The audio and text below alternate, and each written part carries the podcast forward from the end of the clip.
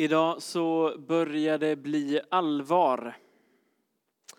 Idag går kyrkan in i stora veckan eller stilla veckan.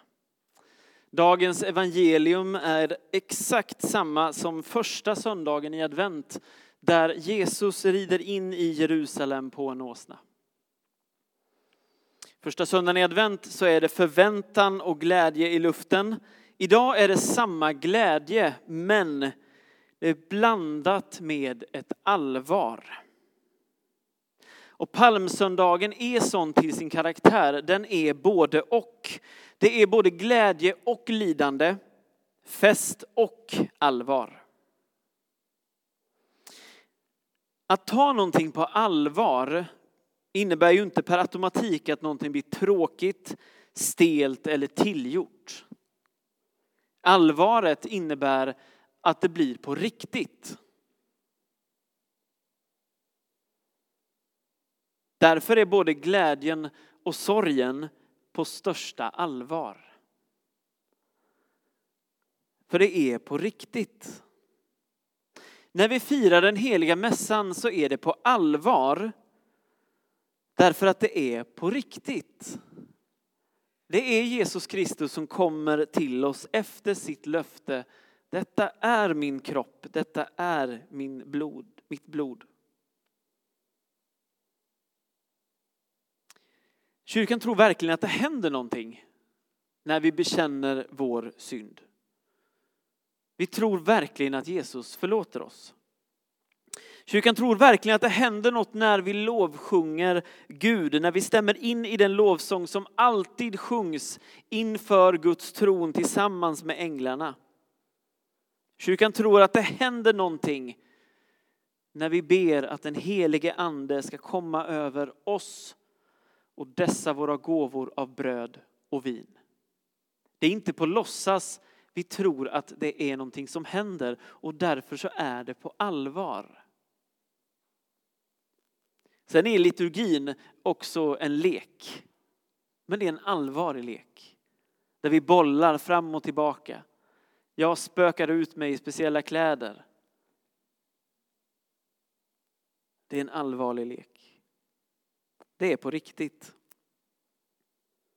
Det kristna livet, det är att leva förenad med Kristus. Det är därför det heter kristna.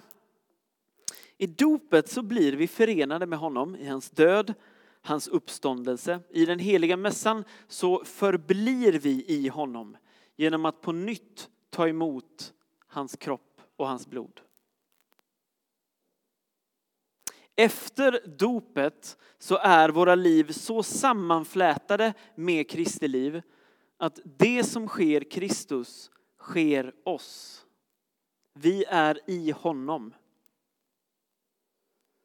När vi firar påskens mysterium så firar vi inte som åskådare utanför, utifrån.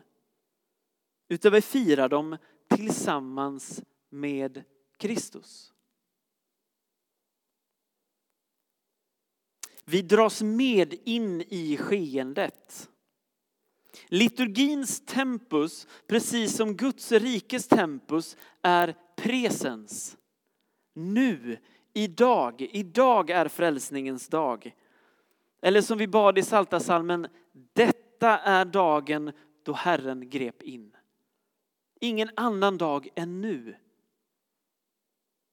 Låt oss jubla att vara glada och vara glada. Hur kan det vara så? Jo, än en gång därför att det är på allvar och på riktigt. Om Jesus Kristus är här så är Jesus dåtid, nutid och framtid här. I honom så smälter allt samman till ett nu.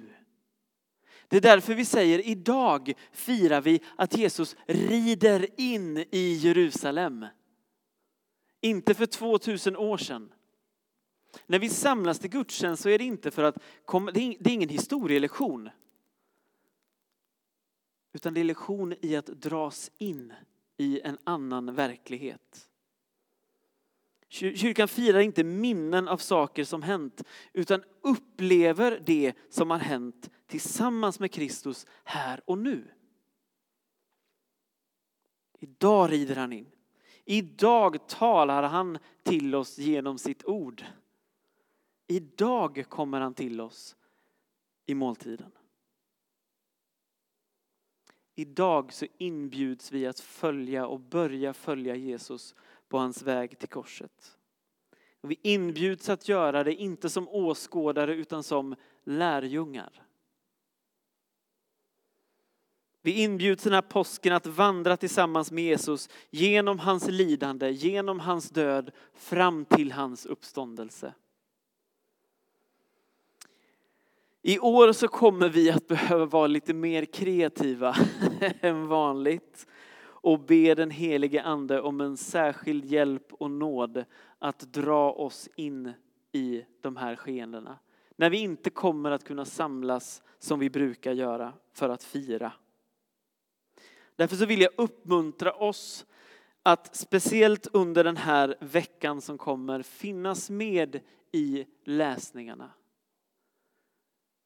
Ta det lugnt och försiktigt. Läs igenom vad det är som händer med Jesus. Finns med i kyrkans böneliv under den här veckan. Ta gärna en stund på dagen. Speciellt om du har ett speciellt, en speciell plats där du brukar sitta och be eller läsa. Tänd ett ljus. Sätt dig ner med dagens evangelietext. Be den helige ande dra mig in i berättelsen. Låt mig få vara där. Ställ dig frågor som, vad ser du när du är där? Är det dammigt när åsnan rider in? Vad hör du? Vad berör dig? Vad väcks i dig i mötet med den här texten? Vad kan du samtala med Jesus om? Idag ska vi låta profeten Sakarjas profetiska ord som finns i mitten av evangelieläsningen att få vägleda oss in i den stilla veckan. Profeten börjar med att säga Säg till dotter Sion. Gud inleder med att sända sitt ord genom profeten till ett folk som han beskriver som sin dotter.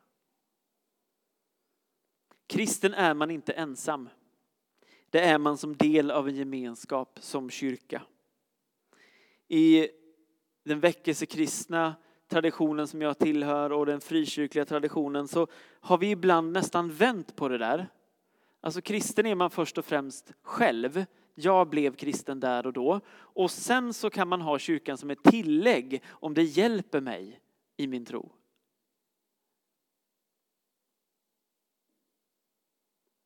Kyrkan är inte ett tillägg som vi kan välja. Det där duet är alltid instoppat i ett större vi. Det kan finnas mycket frustration i det, men samtidigt när du inte orkar. Den dagen du inte fixar, den dagen du inte pallar att bära, så är det fantastiskt att veta att jag vilar i ett större vi. Vägen till korset vandrar vi tillsammans som kyrka. Och tillsammans med hela den världsvida kyrkan. Och Jesus gör samma sak. Han ställer sig gång på gång på det här sättet i en lång profetisk tradition. På samma sätt som vi står i en lång ström av män och kvinnor som har försökt att följa Jesus och längre tillbaka försökt att följa Gud.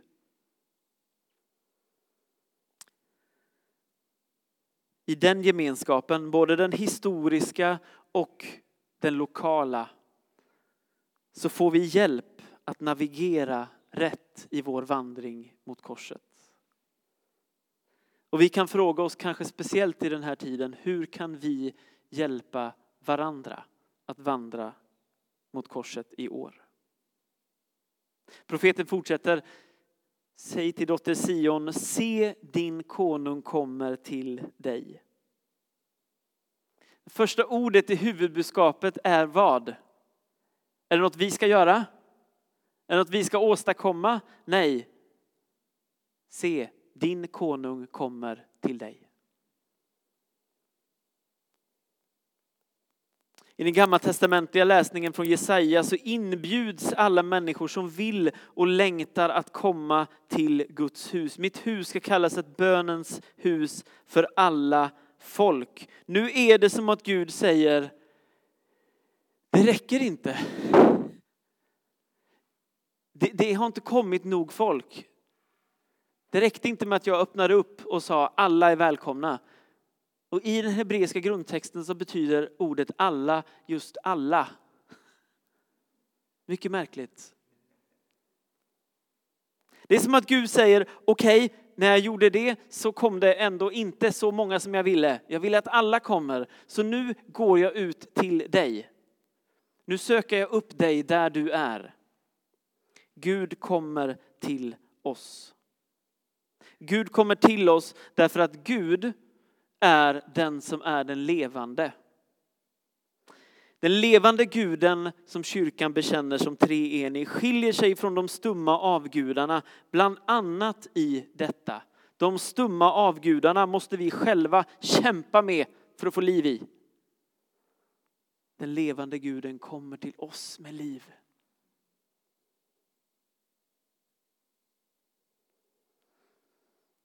När Jesus rider in i Jerusalem så kommer han till oss som konung. Inte bara lärare eller vän eller mästare. Han kommer också till oss var och en personligt. Din konung kommer till dig. Det handlar inte om att ställa och säga du eller vi. Det handlar om att säga vi och du. I dopet så är det ett personligt tilltal. Det är du som blir döpt. Det är därför vi har en frågan om vad är barnets namn eller personens namn som ska döpas. Det är inte för att vi inte kan kolla upp det någon annanstans eller för att församlingen är nyfikna eller därför att det är då barnet får sitt namn. Det är just därför att dopet är personligt. Och samtidigt så döps vi in i en gemenskap, i kyrkans gemenskap. Du och vi. Men Jesus kommer idag för att bestiga ditt hjärtas tron. Och Jesus förväntar sig att vi lägger ner allt för hans fötter och låter honom regera över våra liv. De mantlar som folk tar och lägger framför Jesus, de representerar våra liv. Våra ägodelar, vår trygghet, våra idéer, våra begär, våra föreställningar. Allt i vårt liv, också det som vi håller kärt, får vi lägga ner framför Jesus. Överlåta till honom så att han ensam blir kung. Det är ju detta som egentligen hela fastan har gått ut på. Att se vad är det jag har? Och jag är beredd att lägga ner det framför Jesus.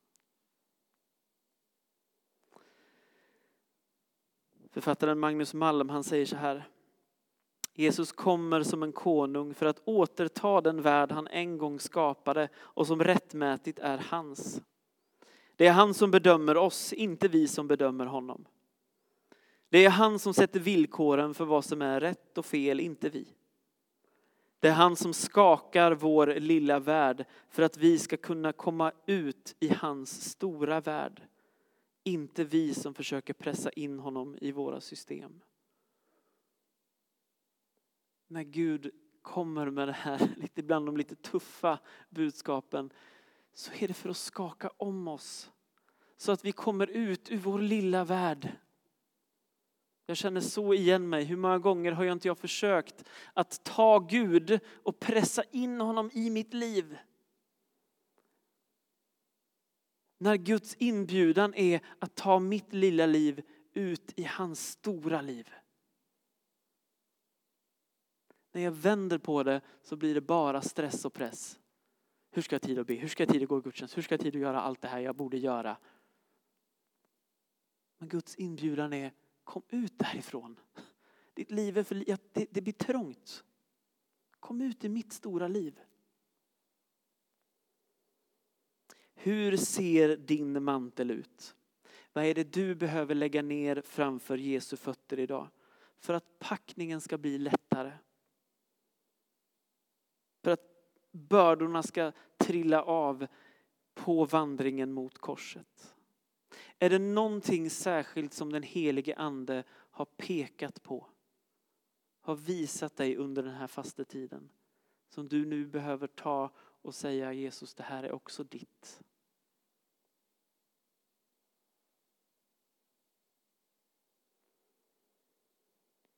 Se din konung kommer till dig ödmjuk och ridande på en åsna. Vad är det för en kung som då kommer? Vad är det för en kung som förväntar oss att vi lägger ner våra saker, våra liv framför honom? Han är ödmjuk. Han tränger sig inte på. Han tvingar ingen, han använder inte sin makt på det sättet.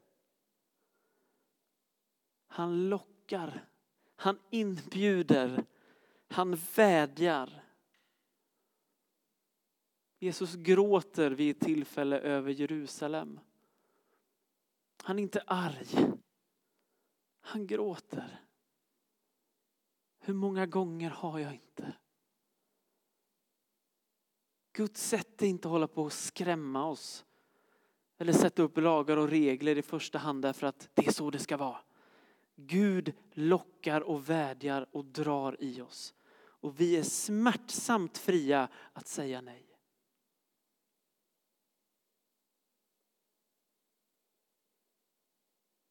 Han kommer ridande på en åsna.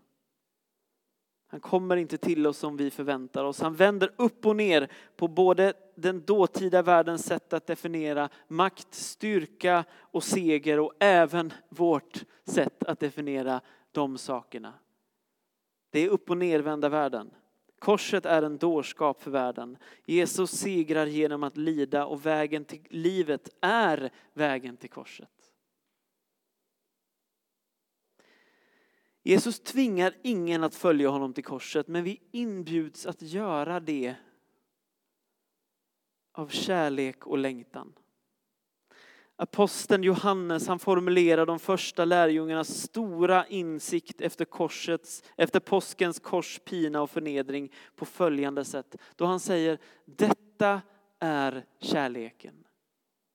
Inte att vi har älskat Gud utan att han har älskat oss. Och det är den kärleken som är kompassnålen som ger riktning i vår vandring mot korset. Inte vår kärlek till Gud, utan Guds kärlek till oss som också kan få förvandla en människa. Det är den kärleken som genom Jesus ropar kom och följ mig. Låt oss därför frimodigt ta emot Jesus idag i glädje när han kommer till oss med sitt ord och sina sakrament. Och låt oss frimodigt följa Jesus till hans kors. Och låt oss be att Kristi påsk får bli vår påsk.